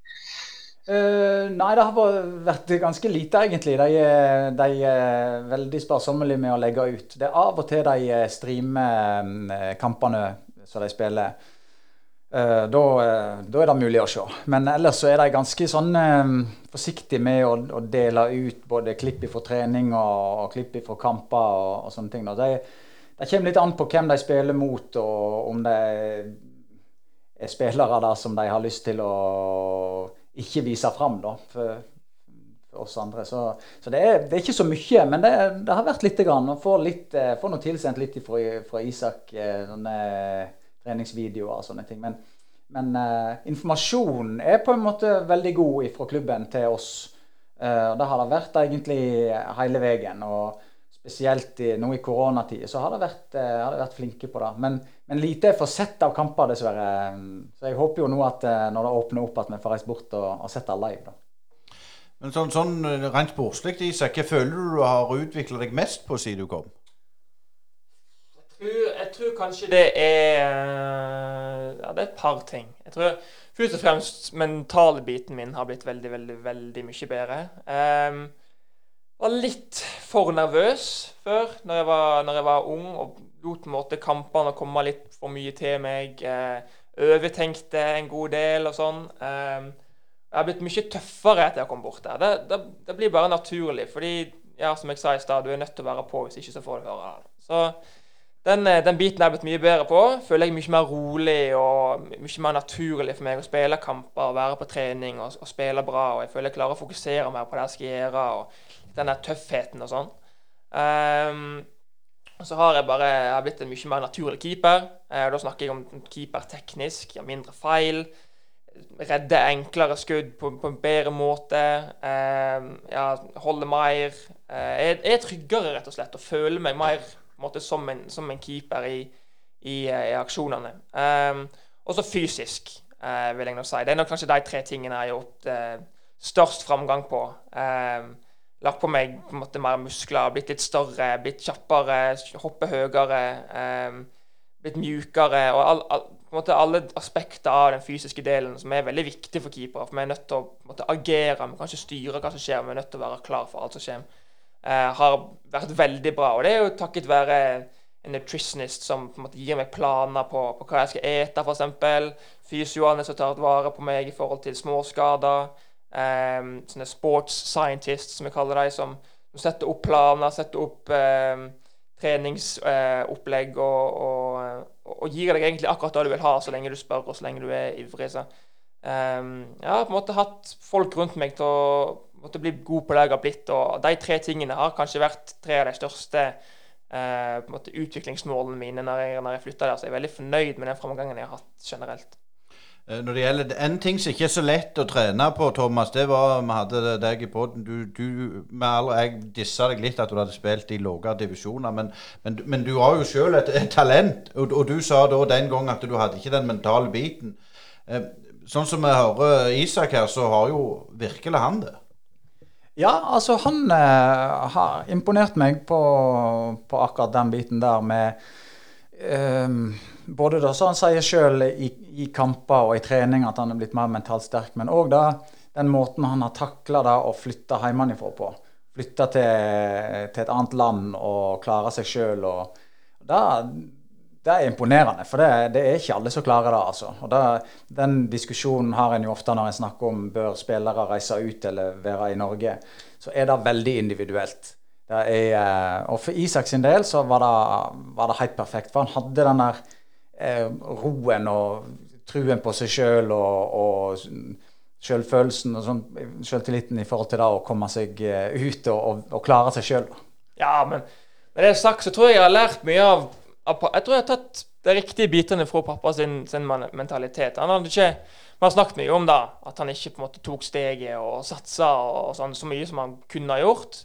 Eh, og da var jo en, en faktor når jeg måtte veie for og imot om jeg skulle reise til England eller ikke. Så var det på en måte tenk hvis. sant? Og det er mye bedre å, å se tilbake og tenke at vet du hva, jeg gjorde iallfall da, og jeg tok sjansen, og da gikk ikke enn å si at uff, jeg veit ikke, kunne ha gått. Herregud, tenk hvis jeg gjorde det. Men så Eh, så hadde jo på en måte Det har vi jo snakket mye om. Og det høres jo på en måte mye bedre ut å ikke angre. Men så har han jo Jeg skryter jo alltid litt av pappa, for jeg syns han var litt for god til å spille tredjedivisjon andredivisjon. Han kunne jo spilt mye høyere eh, om han hadde reist vekk. sånn at eh, Jeg tror ikke, jeg tror ikke tredjedivisjon og andredivisjon reflekterer han som, som, som, keeper, men litt mer det der med at det ble Voss, på en måte, og eh, i forhold til kampmentaliteten hans og den her tøffheten han hadde som keeper. Jeg tror jeg var ni år, husker jeg fortsatt. Og han på en måte skreik og holdt folk på plass og sånn. Og den tøffheten at ballen skulle ikke inn, den har jeg fått med meg. Og den var jo kjempeviktig. Og den har jeg jo på en måte, tror jeg, arva litt fra pappa. Så jeg har på en måte tatt de riktige delene fra, eh, fra, eh, fra han og, og, på en måte brukt dem eh, best mulig. da. Jeg bare skyte inn der, Thomas. Når det gjelder, når det gjelder Når vi ser på EM nå, og fotballkeeperne der, så, så, så de er avslappet. Det ser jo mest ut som de sovner. Altså, når, når, vi spilte og var unge, så var jo keeperen Det var jo en altså, Vi snakket om det med keeperhjerne. Veldig verbal og skreik og puska folk fram. Det er en ganske annerledes type keepere vi ser i dag. Ja, det er det. Er det altså. Hvis du ser Eh, klipp fra 90-tallet med Peter Schmeichel eh, i aksjon, sant? så var jo han en, en villbasse. Uh, masse lyd og masse fakter og, og helt annen type enn f.eks. hvis du ser på Courtois eller Neuer eller disse i dag. Så det, det har endra seg, ja. Det har det. Så hva det kommer av, det er jo ikke godt å si, men det, det er store forskjeller. Men, men det, er jo, det, er jo, flott å høre Isak sine lovord til faren, eh, som ikke er gitt fra en tenåring. Jeg kunne jo forvente han skulle sagt at alle, alt det mentale kom fra morssida. Men eh, Isak, jeg har lyst til å spørre litt om den andre delen av hverdagen. Altså, hvordan er det med, med, skolegang og sånn? Altså, er det et eget opplegg på det? Og, og hva slags si, fag har dere i løpet av de skoletimene dere må gjøre? Ja, jeg har jo valgt én av to. Jeg kunne velge om jeg ville ta utdanning i linje med det det gjelder borte og, eller å ta um, videregående skole helt vanlig, bare over nettet. da. For det har jeg gjort før. Det har jeg gjort med, med andre elever før. Eh, og Bryne videregående har på en måte erfaring med det. Eh, så da valgte jeg sistnevnte, da valgte jeg å ta videregående skole på, over It's Learning, egentlig. Eh, så sånn det fungerer, er at jeg tar alle fagene som de har. Så jeg, jeg tar egentlig videregående skole helt vanlig, bare at jeg ikke er i undervisning. da. Så jeg eh, samarbeider med lærerne, følger med på faget som ligger ute. Og så ser jeg hva de arbeider med, og hva stoff de har drevet. Og jeg gir jo ikke alt, selvfølgelig, men jeg gjør det viktigste. Eh, og jeg gjør så mye som jeg, som jeg trenger å gjøre. Og så, eh, eh, når det nærmer seg en prøve eller vurdering eller en innlevering, for den saks skyld, så, så tar alltid lærerne kontakt. De er veldig flinke der, da og hjulpet meg mye med å på en måte gi meg forvarsel om at ah, om ei uke skal vi ha en prøve i det, og da, da. Har, du, har, du, sett på det? Vet du hva du skal ha? Hvilken tid passer for deg? Når kan du ta den? Kan du ta den på Zoom, eller må vi sende prøven til, til rektoren da, om du vil, som jobber på, på treningssenteret? sånn at eh, Det er den måten jeg gjør det på. Det funka veldig, veldig bra. Jeg fikk på en måte litt eh, tilbakemeldinger før jeg begynte på at det kom til å bli veldig vanskelig, spesielt andre året om jeg skulle ta det på to år istedenfor ett. og den slags type ting, Men det har gått veldig bra over all forventning, og um, jeg kommer til å gjøre det eh, neste år. Og så må vi si litt om, om der du bor og sånn. altså Bor du i lag med andre i akademiet? Forstår du bor litt utenfor London? Du bor ikke midt i Piccadilly Circus, for å si det sånn? Nei, det gjør jeg ikke. det hadde vært interessant, da, altså, men jeg tror det beste er sånn som vi, som vi bor nå. Vi bor nordvest London, eh, i et fint lite strøk som heter Cheshunt. Um, det er en liten by vi bor litt utenfor, da. Så jeg bor egentlig på landet. Jeg bor egentlig på London sin Jæren, hvis du vil. Så eh, mange fine plasser. Går tur. Jeg har en hestegård som bor rett med, som, som, er rett attmed huset vårt, nesten. Eh, et veldig rolig og fint strøk, og det passer helt perfekt for oss som trenger på en måte den restitusjonen og noe byliv for, eh, for, meg, spesielt på den måten jeg har levd den siste de siste to årene. Det hadde ikke vært, det hadde ikke gagna noen, tror jeg. Um, det er kort vei til treningssenteret. Om jeg har lyst inn til London, og da reiser jeg jo inn av og til med, med lagkamerater og kompiser der som er, så, så, er det bare 30 minutter med tog, så er jeg inne i Oxford Street der. Så um, jeg lever veldig fint og bor veldig fint. Og uh, bare for å svare deg på det òg, så uh, bor vi jo som vertsfamilie. Uh, så alle har sin egen vertsfamilie om du ikke deler den. da, Så det er noen som bor to, to i lag. Det gjorde jeg først. Jeg bodde i lag med en annen spiller. Men så, um, men så det siste året, helt siden jeg kom hjem igjen fra korona, så har jeg bodd alene da, med en veldig, uh, veldig fin vertsfamilie som jeg trives veldig veldig godt med. Men, men det, Får dere noe sånn input av, av, A-lagstrenerne? Kommer de innom av og til og ønsker dere lykke til, eller sier noen, har en foredrag for dere? eller noe sånt? Skjer det at Mourinho f.eks. kom inn og, og hilste på dere? den slags? Ja, det er litt her og der. Det varierer veldig. Det, jeg tror det er sånn som alle andre lag, egentlig. Du, mindre du er spiller på A-laget, så ser du han jo hele tida. Hvis du spiller på akademiet, så ser du han mindre. Men, eh, men det, det varierer egentlig. Og, og, og, Thomas, eh, hva tenker du eh, sånn framover når, når, verden slipper opp litt? Altså, blir du pendlende over Nordsjøen og, og skal se på juniorer? Ja. nå, eh, nå, har vi venta lenge. Så nå, eh, nå, har ikke vi vært over siden eh, februar 2020, faktisk. Så, så nå skal vi Vi har planlagt å reise over en del. Vi reiser over en to, tre, fire ganger i høst i alle fall. Og så, og så håper vi å få noe på våren òg. Så, vi, ja, da ser vi jo både han i trening og kamp, får vi håpe. Og så eh, får vi vært litt i lag med han og helst litt på vertsfamilien og sånne ting. Så da, da gleder vi oss til. Der må vi bare ordne oss billetter med òg i, i Brynepoddene. Men, men, men jeg må innom litt den, den der uh, der, hvem er det du ser opp til som, som keeper? altså Du skal holde Tottenham-keeperen utenom. Uh, og Erik Thorstvedt han holder vi òg utenom. Han var jo en gammel uh, Tottenham-legende. Men, men, hvem er det du ser på i dag? Uh, bare for å egentlig omgå spørsmålet litt kjapt først, så, så eh, er det jo Tottenham-keeperne vi ser på i klubben, da. Uh, så det kan jeg jo si. Vi bruker dem som, eh, som en mal. Um, men som forbilde sånn generelt, og ikke fra jeg var ung, men siden jeg begynte som keeper, så har jeg egentlig, egentlig syntes at Noyer har vært verdens beste keeper. Og jeg syns han fortsatt er det. Jeg syns han er helt komplett, egentlig. Han er eh, Hvis du skal se på en keeper som har alt, eller nærmest alt, så syns jeg han har vært helt fantastisk. Han er god med beina, han er god sweeper, han er god skuddstopper, han er god i feltet, han er god kommunikator. Han er en god vinner, han har god mentalitet, eh, han har god teknikk. Eh, godt mjuk, fysisk sett så han var vanvittig bra. Eh, så jeg, fikk, jeg har ikke sett så mye av måte, gamlere generasjoner og Schmeichel, som jeg vet pappa er veldig glad i, og, og den type keepere.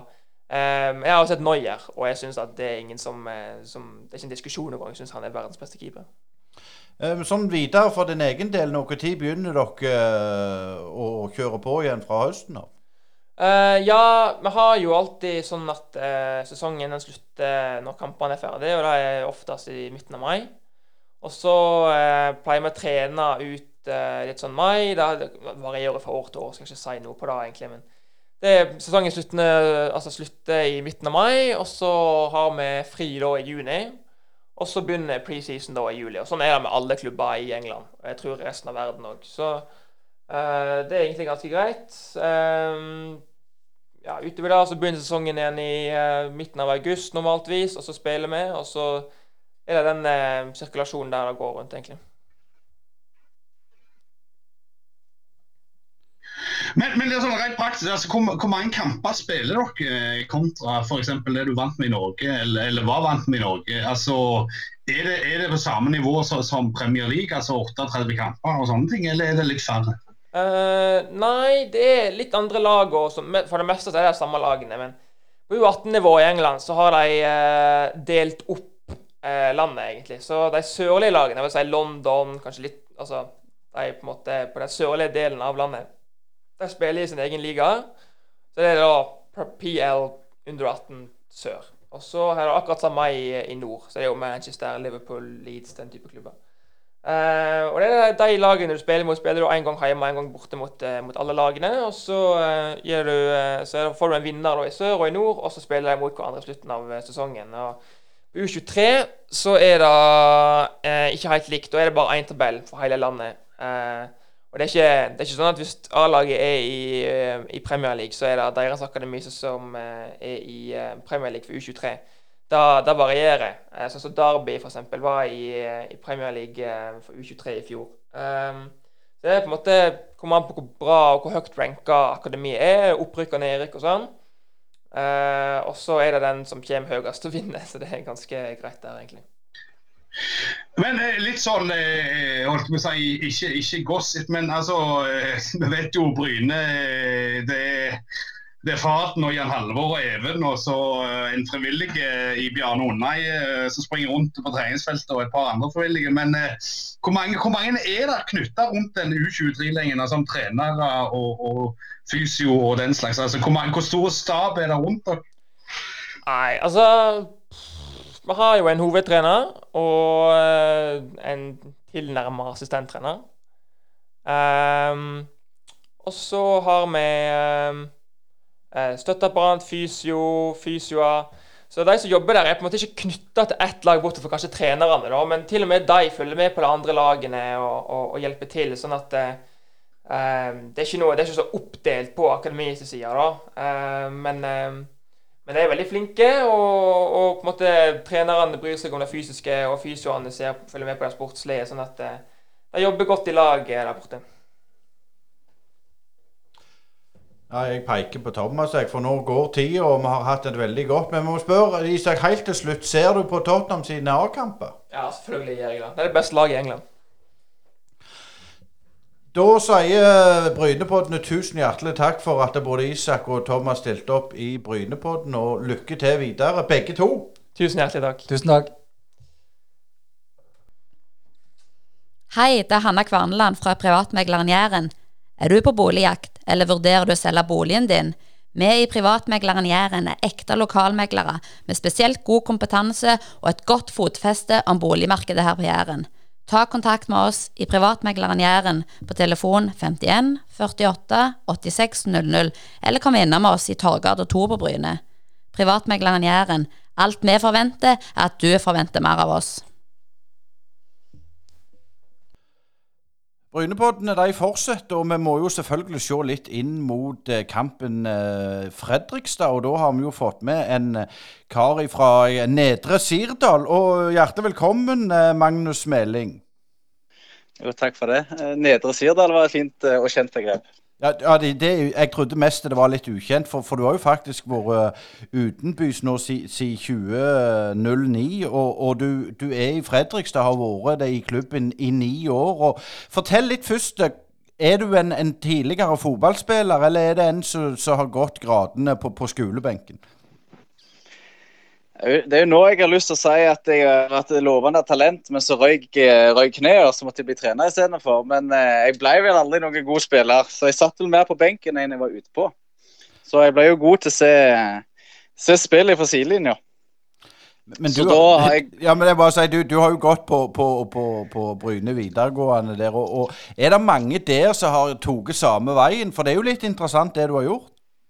Ja, eh, skal vi se. Du har jo han, eh, han Magnus Erga i Notodden. Han har vel gått Eller han tror ikke jeg gikk på NIH, men han tok eh, trenerrollen på sånn akademisk utdannelse. Eh, så har du Even Sehl, litt usikker bakgrunn han har. Eh, men det blir jo mer og mer vanlig da du, hvis du ser til utlandet f.eks., så ser du at de, de, de fleste har jo en, en eh, akademisk utdannelse i, i bakgrunn. Så i utlandet så er det vanlig, ikke så vanlig i Norge ennå, selv om man allerede nå ser en del ja, yngre krefter da, som har, har en litt annen bakgrunn enn en bare en spillerkarriere. Men eh, vi hører jo du ikke snakker om flate baller på vingene, og, og du er jo rogalending. Men du har gått litt under radaren kanskje i, i fotball-Rogaland. Men kan du si litt eh, bakgrunnen, hvordan du havna i Fredrikstad? Ja, det er egentlig litt eh, tilfeldig, som egentlig livet generelt er. Jeg, eh, når jeg var ferdig, ferdig på videregående, så begynte jeg på Universitetet i Stavanger og tok idrett, eh, grunnfag der. Og så flytta jeg til Oslo. og gikk på idrettshøyskolen eh, og jobbet litt i Skeid eh, fotballklubb. Og så var det vel i 2013 så var det helt tilfeldig at Fredrikstad fotballklubb spurte en lærer på NIH om det var en student som kunne hjelpe til med analysearbeid ved siden av studiet. Og Da ble jeg spurt, og da sa jeg eh, ja. Og så har det egentlig bare balla på seg. Så har jeg vel vært eh, juniortrener og B-lagstrener og utviklingsansvarlig. Og de siste, år så har jeg, eh, de siste årene så har jeg jobba som toppspillervikler på, på A-laget. da. Men, men, det er jo ikke noe å stikke under stol at eh, Fredrikstad har hatt eh, opp- og nedturer i de årene du har vært med. Og mange trenere har kommet og gått, men du har blitt værende. Hvordan har det seg? Ja, det, var, det er mange som lurer. Jeg, jeg har betalt det godt. Nei, eh, det har vært spennende egentlig å, å sett. Jeg tror jeg har tolv hovedtrenere på ni år. Eh, så jeg har egentlig lært utrolig mye av å se hvilke prosesser er det som er lønnsomt i en klubb, og hva ikke er så lønnsomt. Eh, og så er det jo som regel bare en hovedtrener som har en veldig utsatt stilling. Eh, og så jeg, ja, Eh, så jeg har liksom fått vært med og bygd klubben opp igjen, og det har vært en veldig spennende læringsprosess. da. Men Hvis vi går litt sånn inn på fotballfilosofien til Fredrikstad. For det er klart det er jo DNA-et som vi hører om i klubben. og Med så utrolig mange trenere. Har de klart å bevare DNA, eller, eller er det en del trenerstyrt, sånn som du ser det fra innsida? Det, med, det, er den fella vi har gått i tidligere, at uh, i Fredrikstad, sånn som i del andre klubber òg, så er man vanvittig stor uh, interesse og forventninger. Uh, man forventer at du skal vinne 4-0. Om, om, du møter Rosenborg på stadion eller om du møter Brattvåg på stadion, så er liksom forventningene jo det samme. så det, man, det jeg la merke til i starten, var at man alltid solgte et opprykk. da. man solgte et opprykk. man skulle ha gode spillere. Man skulle opp, opp, opp. Eh, men det man glemmer da, er jo egentlig å ha fokus på hva er det som gjør at vi rykker opp. Så eh, det arbeidet som startet i 2017, egentlig, det året vi rykte ned fra førstedivisjon, var at vi lagde en liksom en, en liksom grunnmur i forhold til strategi og hvordan klubben skulle være organisert. Hva som skal kjennetegne oss som klubb. Både de som de som jobber der, men òg hvordan det ser ut på banen. Og så uh, plukket vi spillere og, og trenere derifra. Så første året har vi beholdt en hovedtrener mer enn ett år, og spillertroppen mer enn ett år, så klarte vi å rykke opp fra igjen. Og Da nevnte vi ikke opprykk engang. Så det er liksom det eh, det er det som er spennende å være med på den reisenprosessen der og se hvordan, hva hvilke ting er det som har effekt Eh, og Det mener jeg er vår styrke nå. da, Uansett hvor mye jag det er utenfor at vi må, vi må opp og fram, så er fokuset på oss som jobber der internt at vi bare skal bli litt bedre hver dag. Og at så hvis man har mulighet til å hente en spiller med et stort navn, så har vi nå is i magen og sier nei hvis han ikke passer inn i systemet vårt. Og det, Sånn har det ikke vært før. Da har det vært sånn at vi har tatt alt som har hørtes bra ut. Og i det lange løp så blir det sjelden bra. Men, men, kan du si litt om fjoråret? Dere gikk jo eh, gjennom ligaen nokså suverent. Bryne ble jo også suverent til slutt, òg, men, men, det halta litt mer av og til enn det dere gjorde. Eh, hva var det som, som, gjorde at det flaut så godt i fjor, tror du? Eh, først og fremst at vi beholdt samme eh, hovedtrener. 2019 eh, var jo en litt sånn som det var i Bryne, da, at det kanskje ikke så gale, men der vi forventa å rykke opp, ikke gjorde det. Så det var jo jeg tror samtlige, utenom kanskje styrelederen og daglig leder, ville ha, en, ville ha hovedtrener vekk. Så vi, vi klarte å beholde han, og det var bra samtidig som vi beholdt spillertroppen. Og Det gjør jo at både spillere og trenere får tid til å lære. Eh, for hver klubb har jo sin, sin utfordringer. Eh, og da, når du beholder da spillere og trenere over tid, så blir de da ser deg hva som funker, og lærer hvordan det er å spille i klubben. Så Det er egentlig den største effekten, den kontinuiteten der. Eh, for meg. At liksom man fant ut hva var det som funker, hva som ikke funker, og så spilte vi egentlig videre på de tingene som har fungert bra. da. Så Det er egentlig den største forskjellen, den kontinuiteten. For Jeg nevnte DNA til klubben, så har du òg en del gamle legender som i Bryne. Jeg ser litt eh, paralleller til begge klubber der. Når du kom utdannet uten en spillerkarriere, sikkert ukjente for, for, de fleste, hvordan ble du tatt imot når du skulle på en måte mm, så dine ideer inn i, i klubb, klubbdrifta? Eh, det var en del skeptisk i starten. Jeg husker jeg tok over juniorlaget, hovedtrener der. Første økta jeg hadde, så kom jeg og så lurte jeg på om jeg var den nye prøvespilleren. For jeg var så vidt eldre enn de jeg skulle trene. Um, så det merket det var en del skeptisk til. Uh, skeptisk til. Uh, men så har jeg vært uh, egentlig bevisst på å, å, å, jobbe bra og mye og gjøre mer enn forventa. Og, og, vise at jeg liksom har, en, har en kjærlighet til klubben. da. og I tillegg så har jeg ikke hatt en sånn utsatt rolle. Det er som egentlig bare en hovedtrener som har en veldig utsatt rolle. Så jeg er jo takknemlig for at jeg liksom har fått lov å, å, vært med og bidra så lenge. da. Eh, så jeg merker at det er veldig snudd nå, da. Eh, men jeg skjønner jo at det var jo skeptisk òg når det kom, kom en, uh, en ypling i Ålgård som ingen har hørt om før. Så skjønner jeg at uh, det er ingen som, ingen som hopper i taket av den grunn. Men, men, kan du si litt om, om Østfold-fotballen? Eller eks-Østfold, det er jo Viken nå. Men altså Fredrikstad var jo et, et glitrende lag i mange år, og så kom Voss og hadde en bra periode. Og nå er det jo Sarpsborg som er liksom det førende laget i regionen. Eh, hvordan er det der forholdet med, med Fredrikstad-Sarpsborg? der? Har Sarpsborg på en måte løst noe og gjort noe riktig som gjør at eh, Fredrikstad hele veien må, må spille catch-up? For å ta Østfold-fotballen først. og Det som er kult her, er jo at det er ekstremt mye lidenskap og patriotisme. Eh, mens det er ikke så mye kunnskap i, i, i distriktet. da. Eh, det gjelder ikke bare fotball nå, det gjelder jo i, i næringslivet òg, for så vidt. Eh, så det, det, er jo en årsak til at liksom da plutselig var det Fredrikstad som regjerte, og så var det Moss som regjerte, og så er det, så er det Sarpsborg som regjerte. Eh, men det Sarpsborg gjorde eh, for å komme der de kommer, er jo litt det vi har gjort nå. da, At de har funnet liksom sin identitet. Hva som skal kjennetegne Sarpsborg, hvordan skal de se ut, hva skal kjennetegne de som jobber der. Og så ser du at når du plutselig får en del penger mellom fingrene, så har du muligheten til å gjøre valg som går på kompromiss med retningslinjene du har hatt. Og da er det fort gjort å, å, å, gjøre det. Eh, og det var den fella Fredrikstad gikk i etter de var oppe litt i midten av 2000-tallet. At du får, du får, så mye penger at du, du, får mulighet til å velge dårlige valg. Når du ikke har penger, så har du ikke den muligheten. Eh, så Det er vel årsaken til at man bytter plass med Sarpsborg. Og så tror jeg at det er på vei til å snu igjen. Så vi håper, Jeg satser på at vi møter de i heisen.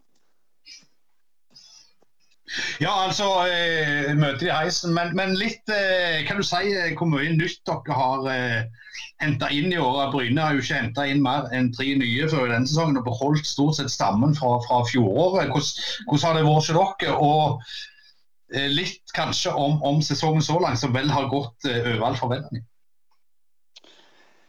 Vi har beholdt sånn som Bryne, samme kjernen. Så har vi eh, fått inn eh, jeg må tenke her, en, en kantspiller fra Skeid, eh, Ismail Tarfek. Og så har vi fått inn en eh, høyreback, og så fikk vi en inn på midtbanen, Olav Øby. Høyrebekken var Alexander Bette Hansen fra Mjøndalen. Så da forsterker vi egentlig en spiller i hvert ledd. Eh, men igjen så ser jeg at det, er den det å ha den grunnkjernen og kontinuiteten som gjør at det er kjente relasjoner, det gjør det lettere for spillere å komme inn og være med og prestere. Uh, og før sesongen starta, så selv om vi ikke snakket så høyt om så hadde vi følelsen at det her kan bli, kan bli en spennende sesong. For ting uh, fortsatte å, å, flyte bra. Men så har vi veldig sånn uh, en spillemåte der vi går all in. Så vi var fullt klar over at det kom til å komme perioder der vi kom til å få kjørt oss litt, og der resultatene ikke kom til å bikke motsatt vei. da. Eller det kom til å bikke motsatt vei. Så Det har vi liksom vært forberedt på. Eh, og det merker jeg òg hvis vi skal sammenligne ståstedet nå i forhold til nå siden. Hvis du taper en fotballkamp nå, så er det liksom ikke fullstendig krise. Men før så var det liksom fullstendig krise hver gang du tapte en kamp. Mens, eh, mens nå har vi mer fokus på at det er en del av læringen på å bli bedre. Eh, helt til slutt, Magnus. Eh, jeg, din far var jo en berykta midtstopper i både Klepe og Ålgård. Han er lærer på, på, på Sola videregående på idrettslinja, hvis de ikke tar helt feil. Og Hva er din ambisjon innen, innen fotballfaget? Blir det en lærer, eller vil du gå, gå trenerveien? Nei, hadde blitt lærer, så, jeg ville blitt lærer, så hadde jeg nok, hadde jeg nok blitt det. Um, jeg ser jo at det er jo deilig å ha feriene, det ser jeg. Men jeg syns det er ekstremt gildt å, å, å, holde på med fotball. Og eh, det å få til ting sammen med andre og det å være med å utvikle et lag og enkeltspillere, det er ekstremt givende. Så eh, jeg er ikke så glad i feriene som far min. Så foreløpig i hvert fall, så går jeg for fotballyrket. Ja. det høres bra ut. Men vi må jo selvfølgelig snakke helt til slutt om, om kampen mot Bryne. Hvordan, hvordan, ser du på den? Hvilken kamp ser du for deg? Jeg ser for meg to lag som er ekstremt gode på det de er gode på. Eh, Bryne tipper jeg kommer til å være eh, kompakt gode defensivt. Og der de bruker styrken spesielt som de har i frontleddet. Eh, så for oss gjelder liksom å å holde trøkket på det uten å få for mye kontringer mot. Da tror jeg det kan bli en fin kamp for vår del. Eh, til slutt så må vi jo spørre deg etter så mange år i, i utlendighet holdt jeg på, si, på, på Østlandet. Eh, Rogalandsfotballen, er den eh, fullstendig avskrevet for din del, eller venter du på en telefon? Jeg har en kone fra Sandnes, da, så hun har jo venta på telefonen i mange år. Så jeg har jo skjønt at det er lurt å å høre på din imellom. Så eh, I tillegg så har vi to, to små unger. Så jeg har vel lovt at vi skal hjem før de begynner på skolen. Og det er jo rett rundt hjørnet, egentlig. Så planen er å flytte hjemover en gang, ja. Det er fantastisk. Jeg, jeg, må bare si det, Magnus, du må ikke sette den på lydløs, du må ha den på. Ja, jeg skal, jeg skal gå den tett inntil øret. Jeg skal gjøre det. Kjempebra. Tusen takk for at du stilte opp i Brynepodden, Magnus. Og lykke til både med sesongen og, og kampen i helga. Takk for det, og likeså. Brynepoddene de fortsetter som vanlig, og vi må jo selvfølgelig dvele litt med, med kampen mot eh, Sogndal. Og da må vi få en fra, fra motstanderlaget som er fra Bryne, hadde jeg mest sagt. Og velkommen til, til Brynepodden, eh, Tord. Jo, tusen takk for det. Eh, ja, Tord er jo en spiller som vi har fulgt, Asker. Og, og er kjekt at han gjør det så godt. Selv om han var, han var jo litt for, for god mot Bryne, da. Det var jo litt redde, men Ja, han kler, han kler spart, og, og, det virker jo som, som eh, Tord har fått litt gang på, på karrieren, som kanskje har butta litt imot, men det må vi komme litt tilbake til. Eh, men først, Tord. Eh, du pakket jo bagen si, og, og reiste fra Bryne til Lyon. og en av Frankrikes store mathovedstader, og, og kjent for fotball, selvfølgelig. Men eh, hvordan var den der overgangen å komme fra, fra trygge Jæren og, og holdt på å si pølser på skjellen og ned til, til Frankrike der? Det, må, det, er jo ikke akkurat et språk du sikkert behersker før du reiste ned? Så. Nei, det, det, det, var jo selvfølgelig tøft. Det var ganske ung å reise fra familie og venner. Og, så det var jo selvfølgelig en tøff overgang. Men uh, jeg var jo ganske innstilt på det og følte jeg var egentlig faktisk eh, litt klar for det. Jeg var klar å ta det på egen hånd. og Så kom jeg på rommet med en, eh, en kar da, som var fra Stirt. Så han eh, hjalp jo veldig. Han kunne jo engelsk, og som gjorde at vi ble veldig gode kompiser. Så det, det, gjorde ting veldig mye lettere for meg i starten der overgangen. Så, så overgangen ble ganske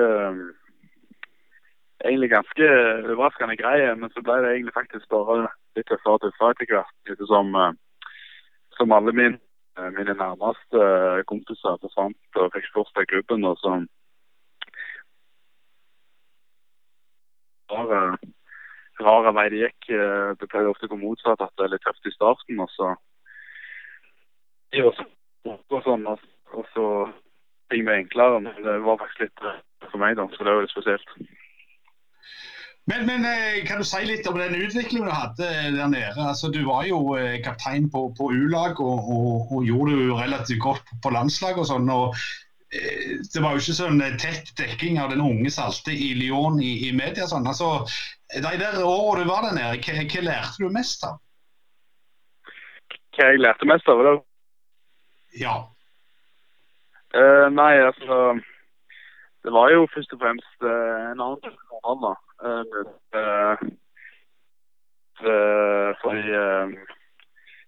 det er liksom ikke når man spiller på et A-lag der man ønsker å liksom, utrette noe i lag, da, som et lag. Der er det mer alle spiller for seg sjøl eh, og vil være den ene som kommer opp på A-laget. Så det blir liksom et helt annet fokus. Eh, og det påvirker på en måte kampene òg, så det er liksom Du må klare mye mer på egen hånd. Eh, det er lite taktisk fotball og mye mer tekst og, og rent fysisk, kan man si. da. Så mm, jeg følte jo jeg hadde utbytte av det. da, Spilte mot veldig mange gode spillere. altså Spiller på høyt nivå og hadde god ferdighet. Det, det er jo litt fokus på andre ting der borte, men uh, jeg er helt sikker på at de har gjort godt for meg. det er jeg helt sikker på. Og bare beklager den dårlige linja. Det er vel dårlig dekning i Sogn der. Men, etter tida i Lyon så ble det jo Rogaland igjen. Og, og sånn helt kort, hvordan kom det i stand? Nei, det var eh, Jeg var egentlig litt på vei til norsk klubb først på Strand 2015. Eh, og så endte det opp med at uh, jeg ble ikke enig med, med Leo. Det ble litt sånn uh, Det var litt sånn på sommeren så var jeg, uh, hadde jeg ganske tøft, og ting fungerte ikke. Og så ville jeg, ville jeg hjem, da, og så var det bare to-tre dager til, til overgangsfesten gikk ut. så ble ikke det noe av da, for de ble ikke enige så måtte jeg vente et halvt år til neste øvingsvindu. Det halvåret var jo eh, ja, jo akkurat da. Så det var, det var tøft. Jeg fikk ikke spille noe. jeg, Det var jo selvfølgelig min egen feil, men, eh, men jeg måtte komme vekk da. Um, en annen norsk klubb som var veldig betale summen, eh, var der. Uh, men da skulle du plutselig ha enda mer penger.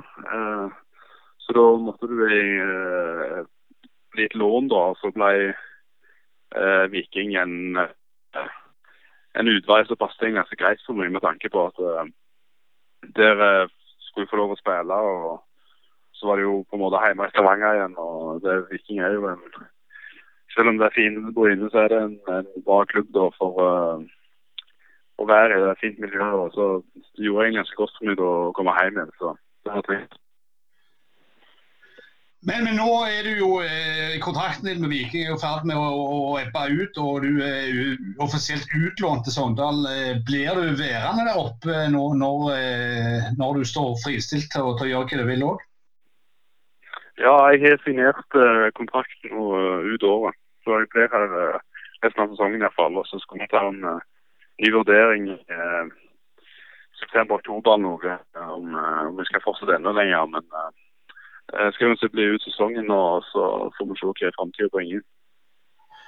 Men, men føler du, altså etter du kom i, i gang i Sogndal, etter at tida var litt usikker etter Ulf-oppholdet og sånn òg, altså, føler du deg litt på glid igjen der der du var for, for eh, et par år siden?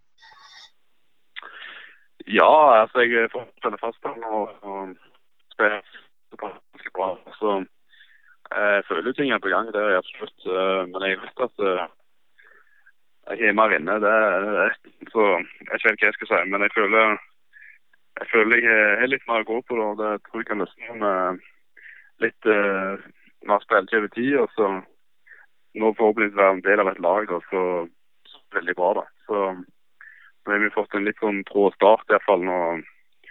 Uh, helt i starten. Så, men uh, etter, etter jeg kom nå, så har vi begynt å vinne litt. og Så jeg håper at, eh, at det fortsetter. Vi får bli litt fram og kjempe om opprykket. Så hadde det vært veldig kjekt både for meg og for klubben og for alle par. Tror det kunne blitt en, bra ting, da. Ja, som sagt så er det litt dårlige linjer i Sogndal, men et råd ifra oss i Brynepodden. eh, Hvis du drikker mye saft, så vil dette gå eh, veldig bra, og du får en eh, kjempegod eh, sesong i Sogndal. Tusen hjertelig takk for du stilte opp i Brynepodden, eh, Tord Salte, og masse lykke til. Takk for det. Det var en fornøyelse. Ja, du hører på Brynepodden og Asgeir. eh, Det har skjedd ganske mye i denne, denne veka her, hvis vi skal liksom nevne det. Vi skal ikke bare snakke om gjestene, men eh, vi må jo selvfølgelig innom det med, med, med Steffen Landro, som eh, har fått fyken i Sandnes Ulf. Vi hadde han jo i podden, og det var jo en utrolig trivelig kar. Det var det utvilsomt, og, og en offensiv trener eh, så, som eh, ikke var redd for å si hva han mente. og Han gikk jo høyt ut i, i vår podd og sa at de skulle rykke opp. Eh, per dags dato ligger Sandnes absolutt sist i pulja. og Det har jo vært litt eh, moring, men ikke så veldig mye, vil jeg si. Men eh, det ble nok et naturlig valg. Men, men etter som jeg forsto, så hadde Landro tenkt å bli værende i, i Sandnes eh, litt framover. Så kanskje vi får høre litt mer fra han med en annen anledning.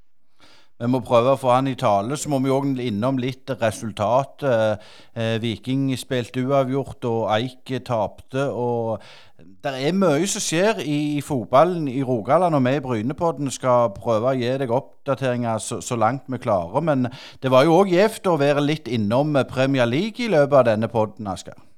Ja, ja, veldig gildt og, og, utrolig spennende å høre storyen til Isak og faren, selvfølgelig. For han har jo hatt litt å si oppi dette, han òg. Men det viser jo at av og til så er det de storyene ennå med folk som begynner litt seint og likevel tar noen store steg nokså nok så fort. Men det er jo klart det er jo bare å håpe at han lykkes. og en, en gang får se han i Premier League eller i en cupkamp på fjernsynet.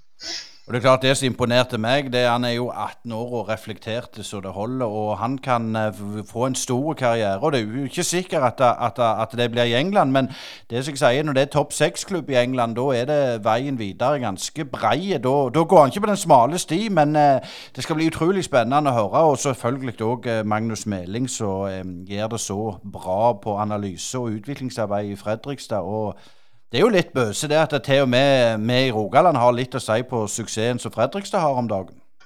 Ja, og ikke minst det at vi snakker om en mann som de fleste ikke kjenner til, og som bare har gått litt under radaren. Når du leter etter han på Google, så finner du en sak i Gjesdalbuen fra i fjor, men det, det, er jo ikke en mann som, som en hører blir snakket om rundt bordene i, i fotballmiljøet. iallfall. Det er det ikke, men eh, vi har uh, ny pod neste torsdag. Og Asker sa jo det, eller vi har diskutert Vi må, vi må ha litt kortere podder nå om sommeren, men dette ble vel den lengste vi har hatt. Men vi er klar neste torsdag tidlig om morgenen, og tusen, tusen hjertelig takk for uh, dere hørte på.